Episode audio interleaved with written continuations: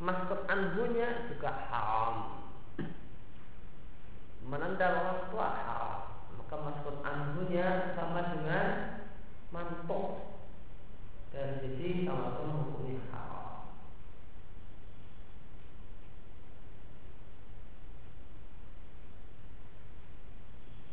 Wisama dan mafhum wasafa ini disebut juga bifahmil kitab, Lahnil kitab demikian juga adapun gantian Bali. Dan disebut juga dengan tanbih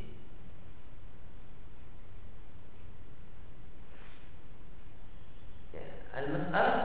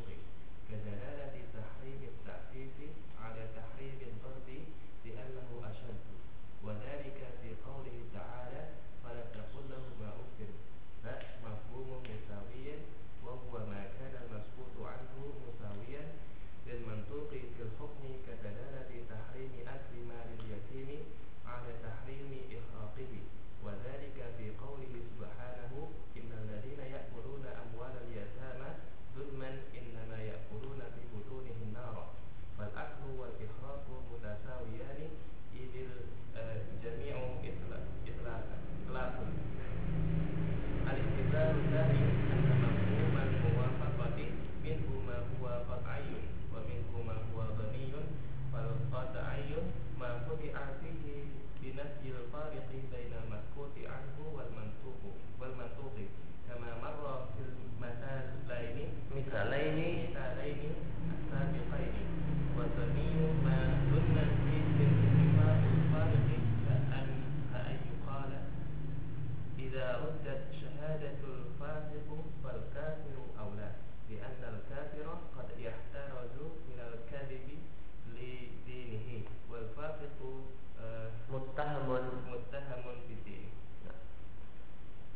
Maka muafakat terbagi menjadi dua macam dengan dua sudut pandang. Ada dua sudut pandang untuk melihat mafhum muafakat.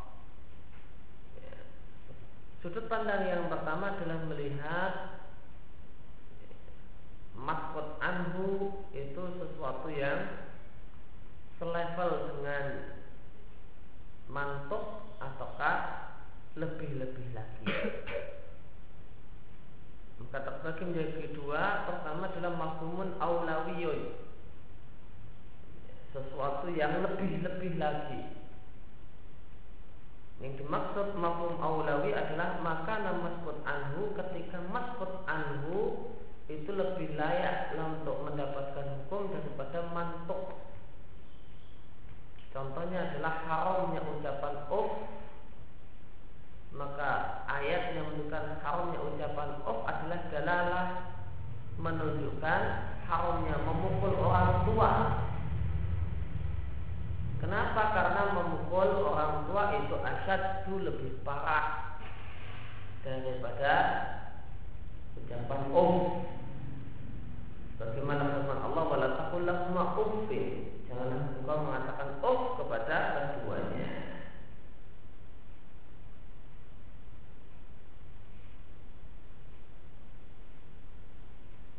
Maka ucapan uff hukumnya haram dan hukum haram ini lebih-lebih lagi ucapan ah itu hukumnya haram untuk orang tua maka lebih-lebih lagi memukul orang tua.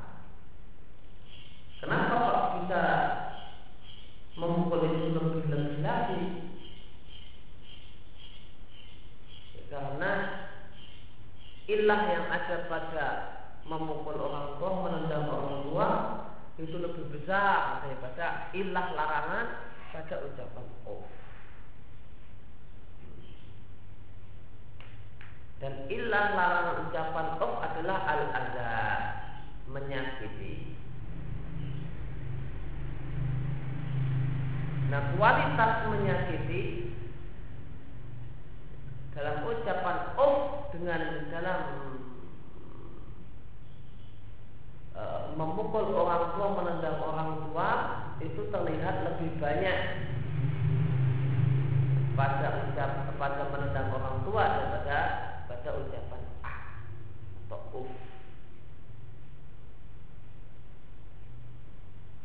Maka sesuatu itu dikatakan aula ketika kualitas illah ya, di perkara yang masbut anhu itu lebih banyak daripada illah larangan pada mantuk Kemudian yang kedua adalah musawir. Bahwa makanan maksud anhu yaitu ketika maksud anhu itu semisal selevel dengan mantuk. Ya, kualitasnya sama dengan mantuk dalam hukum. Semacam haramnya memakan harta anak yatim itu jadi dalil haramnya membakar harta anak yatim. Bagaimana firman Allah, Innal ladzina orang-orang yang memakan harta anak yatim secara zalim, inam yakul fi butunin nara, mereka masukkan dalam perut mereka api neraka. Fal aktu wal ihraq maka memakan harta anak yatim dan membakar harta anak yatim itu dinilai dua perbuatan yang selevel. Karena kualitas ilahnya sama. Itu dijamin ikhlas. Apa ilahnya? Ilahnya adalah ikhlas. Merusak. Harta anak yatim. Maka dengan memakan harta anak yatim maka berarti merusak harta anak yatim, membakar harta anak yatim juga berarti membakar, merusak harta anak Bahkan dari sudut pandang yang lain bisa kita katakan bahwasanya membakar harta anak yatim itu aula daripada memakan harta anak yatim. Karena memakan harta anak yatim itu adalah merusak harta anak yatim dan si pemakan dapat manfaat. Sedangkan membakar harta anak yatim itu merusak harta anak yatim dan si pembakar tidak dapat manfaat. Mending kalau ya, dimakan kenyang. Ini rusak dan kenyang. Nah kalau cuma dibakar kan rugi rusak dan tidak ada pihak yang diuntungkan. Kalau memakan harta anak yatim kan ada masih ada pihak yang dapat untungnya. Kemudian al-itibar asani sudut pandang yang kedua mafhum apakah itu ada dua macam ada yang qat'i bisa dipastikan dan ada yang sekedar prasangka kuat yang dimaksud dengan ini adalah yang bisa dipastikan binafil farid tidak adanya perbedaan antara maskut anhu dan mantuk. Antara sesuatu yang dibahas oleh teks dan sesuatu yang tidak dibahas oleh teks. Contohnya adalah dua contoh yang telah lewat sedangkan mafhum muwafaqah yang berni ketika intifa'ul farik tidak adanya perbedaan di antara dua bentuk tersebut cuma statusnya prasangka kuat. Misalnya persaksian orang fasik itu mudah ditolak maka lebih-lebih lagi orang kafir. Maka kata-kata ini tidak ada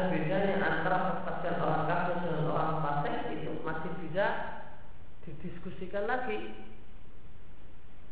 Ini anak kafir karena boleh jadi orang kafir itu menjaga diri dari agama, menjaga diri dari dusta karena agamanya. Ketika agamanya melarang dusta dan dia orang yang taat dengan agamanya maka mungkin kita katakan kalimat tadi keliru. Berbeda dengan agamanya, tertuduh ketaatannya. Dia tahu memang dusta itu tidak boleh, memang akan tapi dia memang orang yang suka melanggar aturan-aturan agama maka adanya kesamaan antara persaksian orang kafir dengan persaksian orang fasik itu adalah satu hal yang nilainya prasangka kuat saja.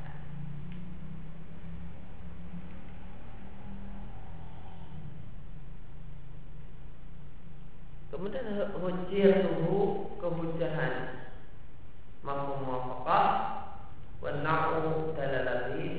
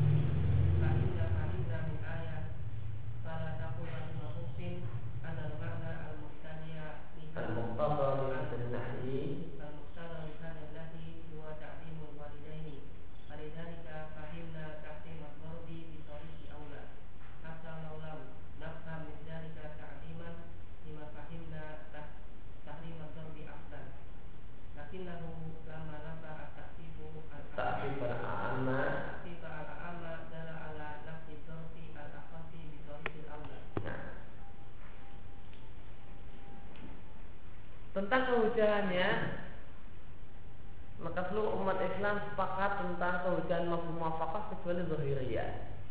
Zahiriyah menolak berdalil dengan mafhum baik mafhum mukhalafah ataupun mafhum muafakah. Namun ini adalah satu hal yang menyelisih ijma salah. Bisa dikatakan mafhum muafakah adalah hujah dengan ijma salah. Sebenarnya yang mengatakan wakadzalika dan demikian pula kias aula. Kias aula adalah nama lain dari mafhum muafaqah.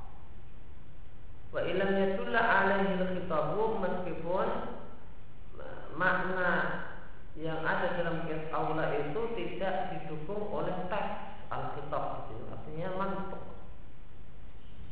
Walaupun urusan akan tetapi diketahui bahasanya perkara tersebut lebih layak untuk mendapatkan hukum daripada apa yang dibahas oleh teks. Pak ingkar maka mengingkarinya yaitu mengingkari mafhum muwafaqah atau mengingkari makna yang diambil dari kias aula itu min bidail dohiriyati dari bid'ah yang dilakukan oleh dohiriyah yang tidak digauli oleh satupun ulama salaf. Tidak ada satupun ulama salaf yang mengingkari mafhum muwafaqah maka tidak maka terus menerus maka tidak berarti para ulama salaf dengan bimisli hada wa hada. Dengan semisal ini yaitu dengan mafhum muwafaqah wa inna mawaqal khilaf cuma terdapat perselisihan di antara para ulama salaf tentang jenis dalalahnya tentang jenis dalalahnya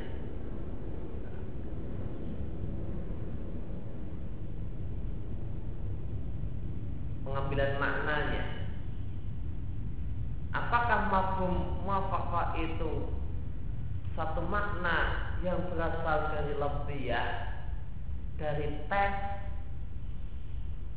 ataukah dia adalah makna yang disimpulkan berdasarkan kias? Karena melihat ilah yang ini sama dengan dalalah akliyah. Kalau kalau dia statusnya sama dengan kias berarti jenis dalalahnya dalalah akliyah. Kalau itu adalah memang makna makna yang disimpulkan dari teks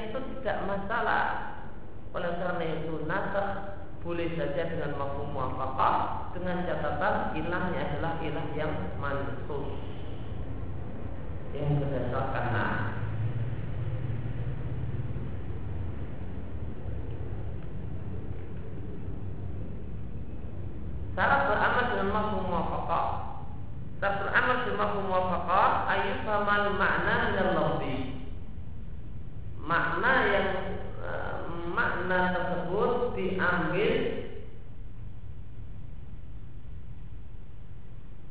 dari teks fi musti yang jadi mantuk wa ayakunal mafhum dan mafhum tersebut lebih layak untuk mendapatkan hukum daripada mantuk atau sama dengan yang mendapatkan hukum. Wa inna ma yufahamu dan hal itu bisa dipahami dengan memperhatikan siapul kalam, rentetan kalimat dan indikator keadaan.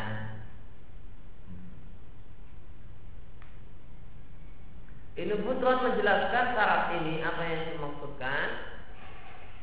Bukan kayak ini makna di luar teks kok. Kok harus dipahami dari teks. Yang artinya syarat mampu muwafaqah adalah pahmul makna memahami makna fi mahalin nutqi.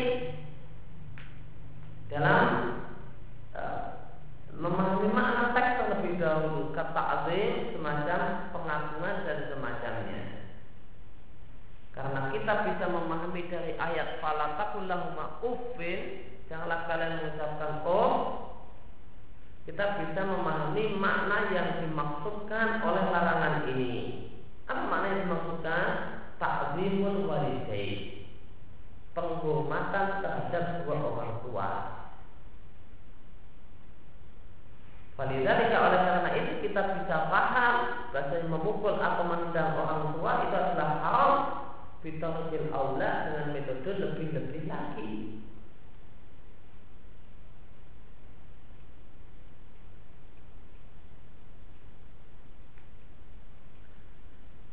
Hatta lau lam nafhami dzalika ta'ziman, seandainya kita tidak bisa memahami dari larangan uf itu adalah penghormatan orang tua, tentu kita tidak bisa memahami haramnya memukul orang tua aslan sama sekali.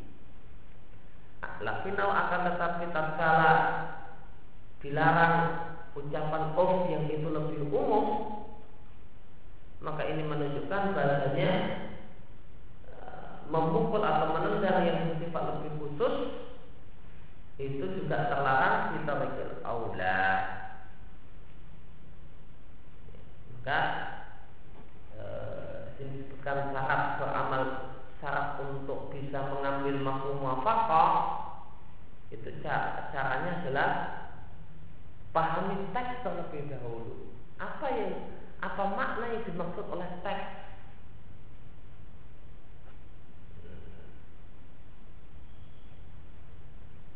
atau makna yang dimaksudkan oleh teks salah falatakulah ma'uf itu apa makna yang dimaksudkan oleh teks salah falatakulah ma'uf oh takzimul walidai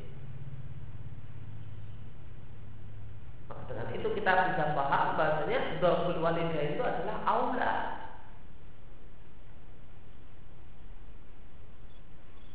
Kurang lebih ini jelas dari sini. Kemudian mampu mukhalafah.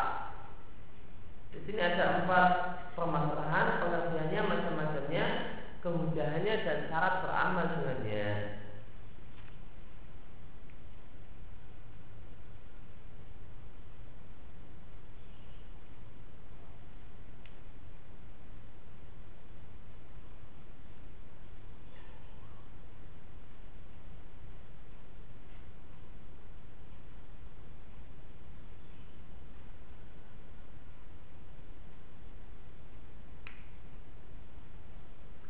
Pengertiannya mafhumul mukhalafati wa makhalafal masbutu anhu al mantuqa fil hukmi. Mafhum mukhalafah adalah makhalafa al masbutu anhu. Masbut anhu itu berbeda dengan hukum mantuk. Ya. Masbut anhu itu berbeda dengan hukum mantuk jadi dicontohkan kambing yang digembalakan wajib dizakati. Mafhum mukhalafahnya yang tidak digembalakan tidak wajib dizakati. Atau tidak ada zakatnya. Tadi di sana ada zakat di sini tidak ada zakat. Ini berarti mukhalafah. Terjadi mukhalafah dengan mantuk. Ya, terjadi perbedaan dengan mantok yaitu perbedaan dalam masalah simpulan hukum. Macam-macam mafhum mukhalafah ini. Al-mas'al tsani itu aqsamuhu mafhum mukhalafati sittatu. Al-qismu awwalu mafhum mafhum sifati kasifati saumi saumi saumi fi sallallahu alaihi wasallam fi sa'imatil ghanami zakat zakatu fa muqtada hada adami wujubi zakati fi ma'luf fi ma'lufati ghairi sa'imah. Walaysa muradu min min sifati huna na'tun anaktu bal ma huwa fi makna sifati ka kamasali sabiki. Kamisali sabiki. Al-Qismu at-taqsimu kaqauli sallallahu alaihi wasallam as-saibu akaku binafsiha min wali min waliha wal bikru tusamaru wal bikru tustamaru. Wa wajhuhu anna taqsimuhu anna taqsimuhu ila qismaini wa tafsisi kulli wahidin bihukmin bihukmin.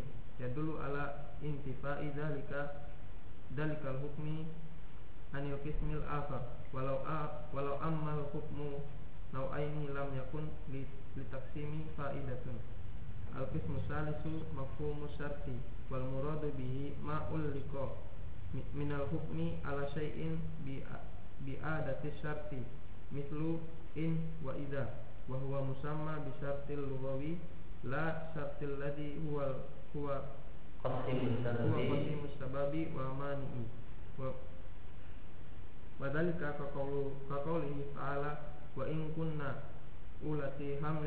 fa antiku alaihinna hatta yadokna hamlahun. Fa innahu yadullu bimafhumihi ala adami wujubi nafaqati lil muta'ad muqtaddati muqtaddati ghairi hamili. Nah. Mafhum mukhalafah ada? Enam macam. Yang pertama disebut dengan mafhum sifat. Contohnya sifat digembalakan dalam sabda Nabi Shallallahu Alaihi Wasallam Sisa imatil konami Kambing yang digembalakan itu ada zakatnya. Famuktabahara Maka konsekuensi dari hal ini adalah Tidak wajibnya zakat Fil maklufati Untuk kambing yang diberi pakan. Ghair mati dan tidak digembalakan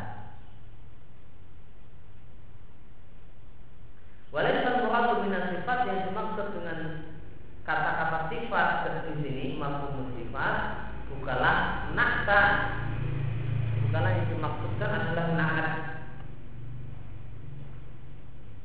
bal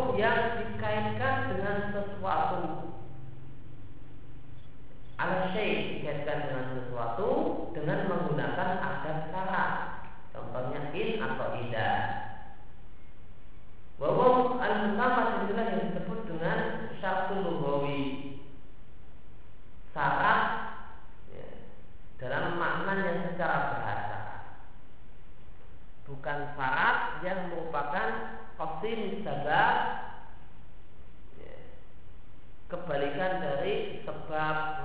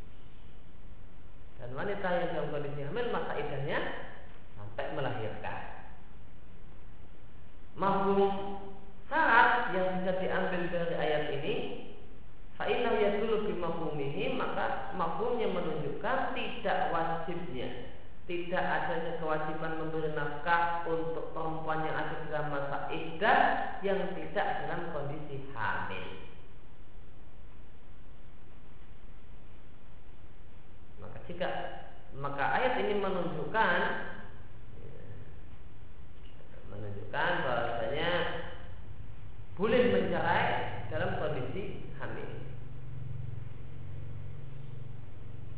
Di tradisi orang Jawa mencerai e, istri dalam kondisi hamil itu terlarang. Ini adalah satu hal yang tidak benar.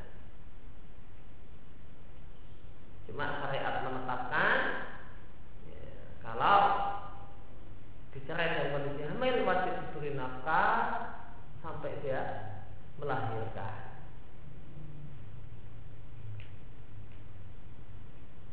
Maksudnya ya, bisa kita kita pahami biaya persalinannya ditanggung oleh mantan suaminya. Kali ini mau melahirkan anak suaminya. Maka pada asalnya wanita yang dicerai dalam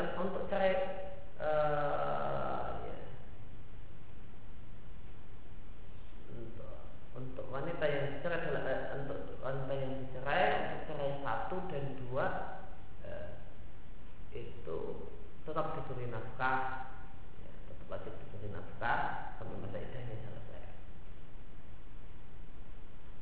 Namun kalau cerainya cerai tiga itu yang tidak diberi tidak ada kewajiban nafkah.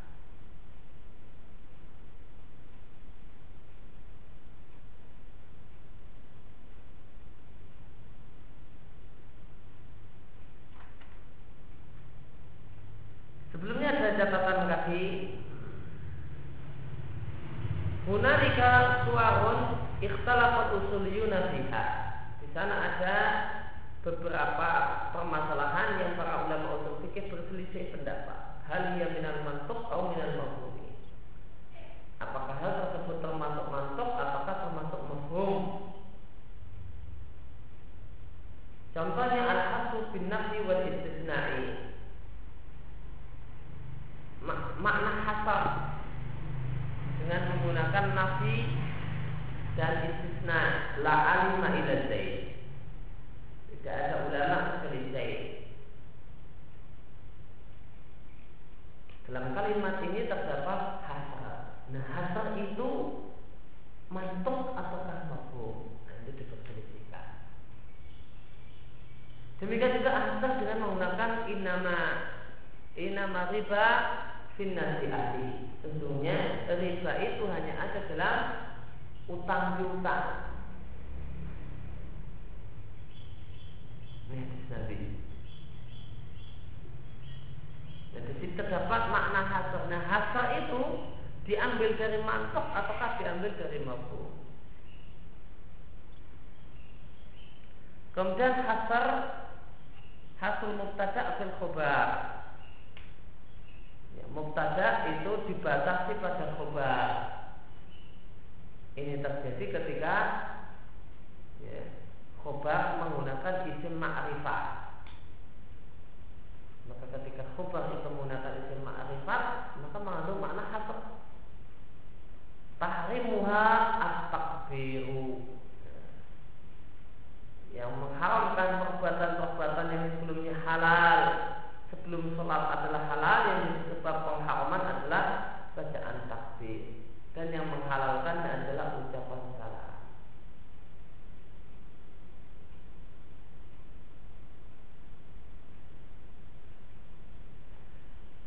Qudamah ketika menyebutkan tiga hal ini, beliau mengatakan ketahuilah anak hahuna di sini ada beberapa permasalahan yang diingkari oleh orang yang mengingkari mafhum, yang mengingkari mafhum. binaan ala annaha minhu berdasarkan anggapan bahwasanya tiga hal ini minhu adalah bagian dari mafhum walaisat minhu dan kata Ibnu Qudamah yang benar tiga hal tersebut bukan termasuk mafhum yang salah yaitu tiga hal maka yang diwasikan oleh Ibnu Qudamah tiga hal tadi hasar-hasar tadi semuanya adalah mantuk dan bukan mafhum.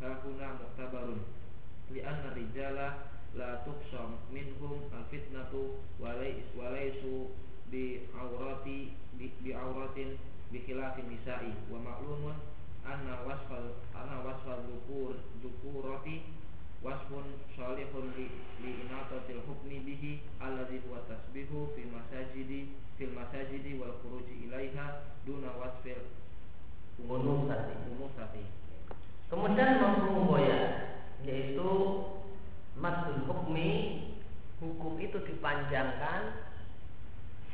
Ya, boya itu artinya tujuan hukum itu dipanjangkan sampai dalam keadaan tertentu dengan menggunakan adat boya yaitu ila atau hatta maka perempuan tersebut tidak suami yang pertama Mimba itu setelah talak yang ketiga sampai perempuan ini berhubungan badan dengan suami yang lain. Sebelum hubungan badan suami yang lain maka tidak halal ini. Ya, nah, ini disebut mafhum oh ya. Mafhum bilangan ketika hukum itu digariskan dengan bilangan tertentu maka campurlah mereka orang-orang yang menuduh orang yang melakukan khoda tuduhan zina tanpa bukti sebanyak 80 kali campuran artinya tidak boleh lebih dan tidak boleh kurang dari 80 kali campuran itu. Mampu ada di sini. Dan mampu lakok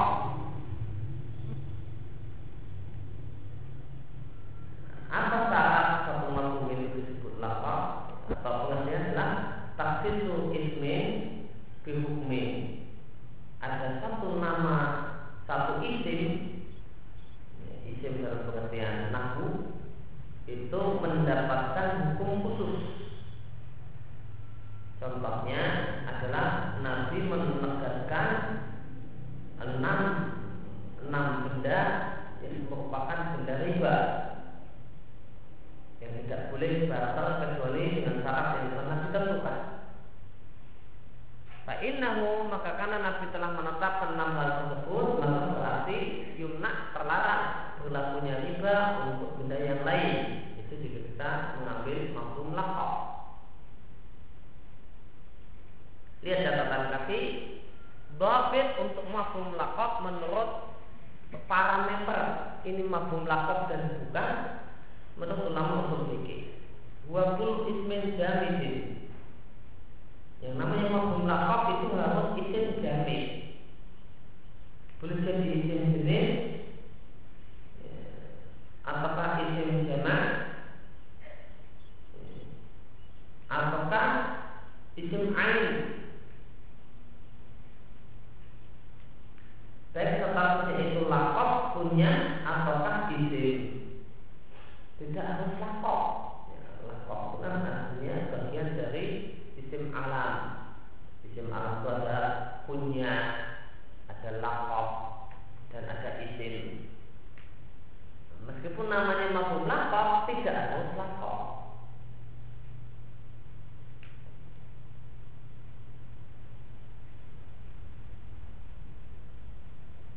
Ya, bisa isim ain namun bukan lakop namun punya. Atau bahkan nama asli bahkan tidak harus isim ain. Isim jenis manusia hewan.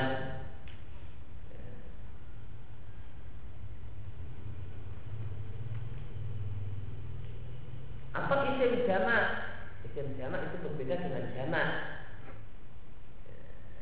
kalau rijal itu jamak dari rojul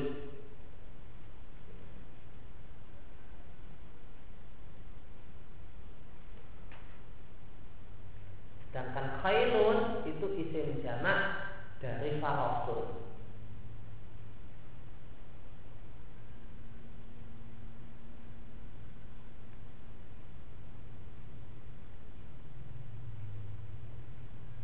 Isim jamak dari farosul. Khairun itu isim jamak dari farosul. Farosul seekor kuda.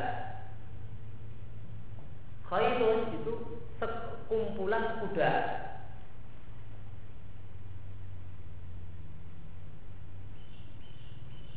itu disebut isim jamak isim jamak itu satu isim yang menunjukkan makna jamak akan tetapi dia tidak memiliki mufrad ditinjau dari lafaznya Namun dia punya mufrad ditinjau dari maknanya Apa mufrad dari khairun? Tidak ada Kalau ditinjau dari sisi uh, Dari sisi Lafaz Tidak ada uh, Bentuknya namun dari sisi makna ada Contoh lainnya adalah nisaun Nisaun itu isim jamaah untuk imro'atun itu isim jamak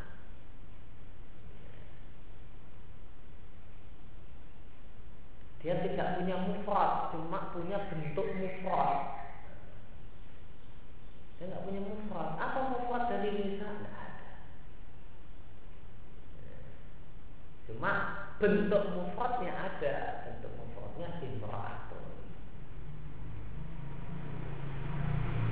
Maka imro'atun apa jamaknya? Tidak ada. Imro'atun tidak punya jamak.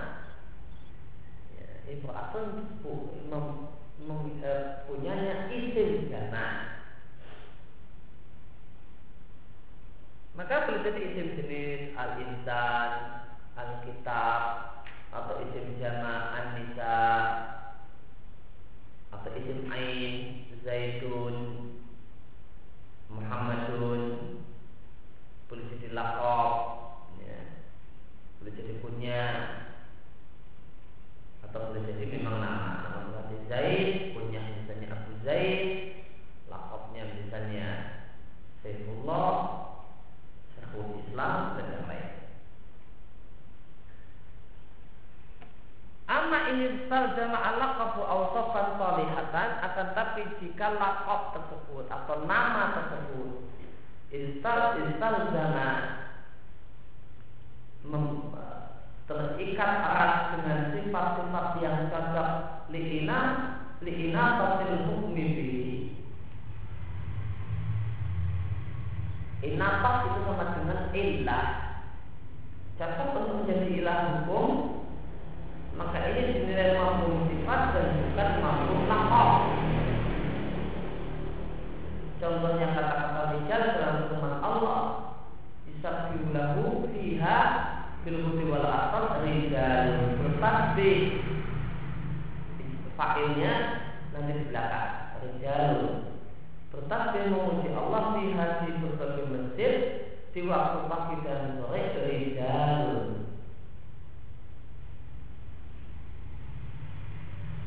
Maka Allah memuji Rijal laki-laki yang bertasbih berzikir pagi petang di masjid. Fakat yang nazir maka boleh jadi nampak bagi seorang peneliti bahwasanya rijal di sini statusnya mafhum lakop.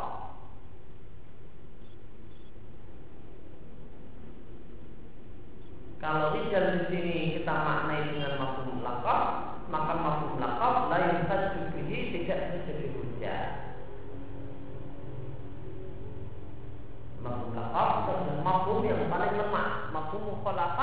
yang paling lemah dan dia bukan hujah.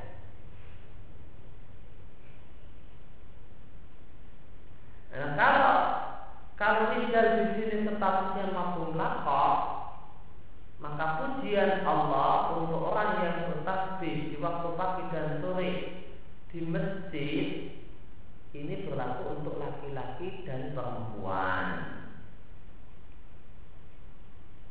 Ini kalau kalau kita katakan rijal di mafhum lakop sehingga tidak jadi tidak bisa jadi hujah. Maka pujian Allah ini tidak hanya berlaku untuk laki-laki. Perempuan juga terpuji seandainya dia bertasbih memujikan Allah di waktu pagi dan sore di masjid. namanya mafhum lakop tidak bisa jadi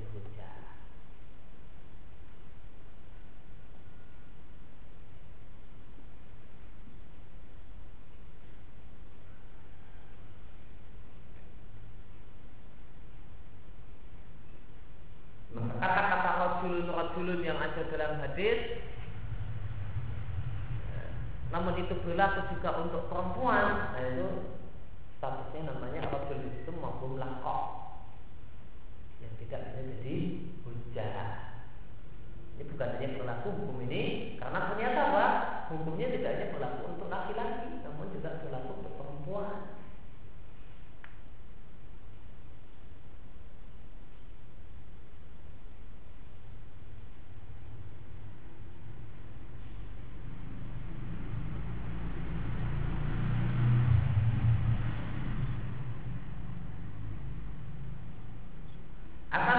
Ternyata mabum rijal dalam ayat ini itu teranggap diakui.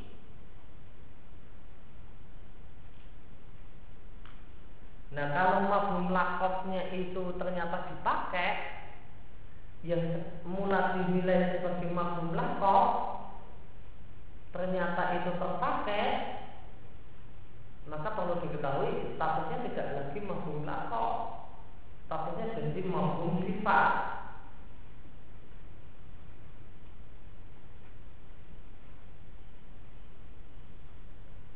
Kenapa terpakai di rijal karena laki-laki itu tidak dikhawatirkan fitnah dan bukan Allah sehingga bisa pergi ke masjid. Beda dengan perempuan. Kan di sini pujiannya kalau ya, di masjid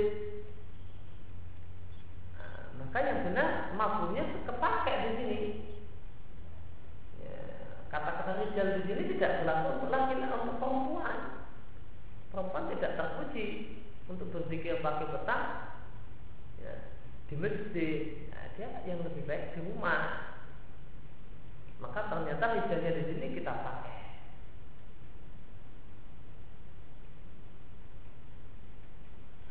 Pemakluman dan diketahui bahasanya sifat laki-laki kelaki-lakian adalah sifat yang cocok li liina pasil hukmi untuk jadi ilah hukum di sini. Yaitu bertakbir di masjid dan keluar rumah ilaiha pergi ke masjid. Duna ya, wasil urusan sedangkan sifat perempuan tidak cocok untuk pergi ke masjid karena sebaiknya dia di rumah maka ternyata di sini mafhum lakopnya kok ternyata dipakai. Nah, kalau mafhum lakopnya itu dipakai, maka sini dikatakan maka ini bukan lagi mafhum lakop, namun mafhum sifat. Karena mafhumnya mafhum itu dipakai itu karena dalam nama tadi ada sifat. Yang itu cocok untuk jadi ilah hukum Fa'ina yutabaru mahkumah sifatin la mahkumah lakotin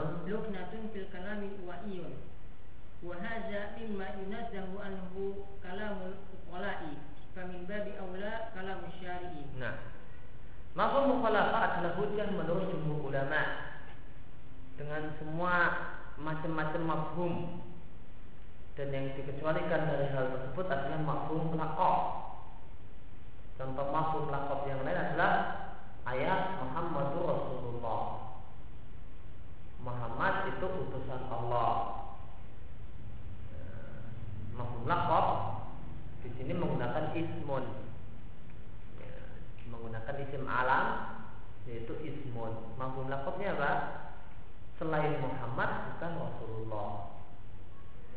Nah ini nggak benar. Ya, karena itu mafhum lakob bukan hujah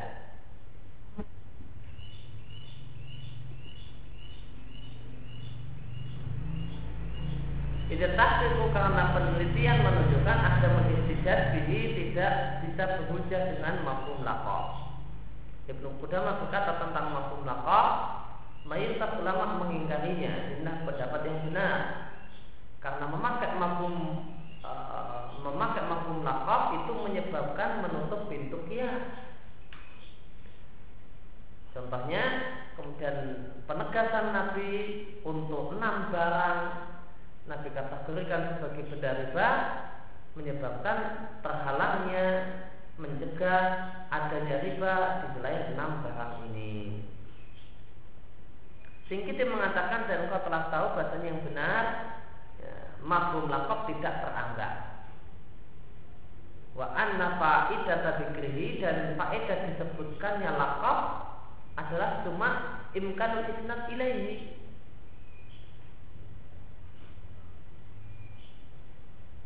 Menjadikan yang musnad ilaih menjadikannya subjek Muhammadun Rasulullah. Muhammad subjek Rasulullah predikat maka tidak ada tujuan dari kalimat Muhammad Rasulullah itu. Tidak ada tujuan dari orang yang mengucapkan kalimat Muhammad Rasulullah mengatakan selain Muhammad bukan Rasul Allah. Pengingkaran terhadap kerasulan Musa, Isa dan yang lainnya bukan. Cuma orang buat kalimat Muhammad Rasulullah itu cuma sekedar menjadikan Muhammad sebagai subjek. Liimkan uh, isnad ilai isnad ilai sama dengan subjek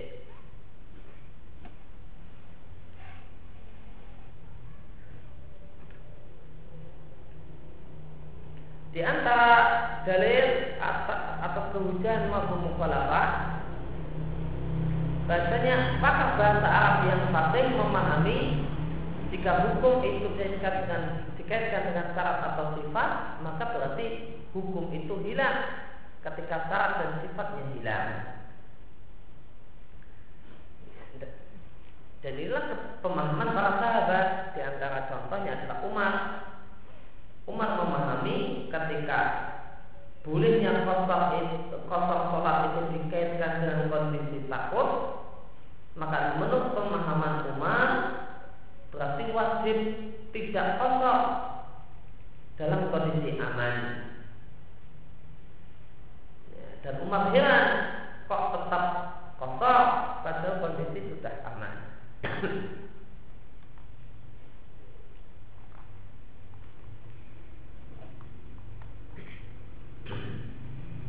yaitu dalam firman Allah.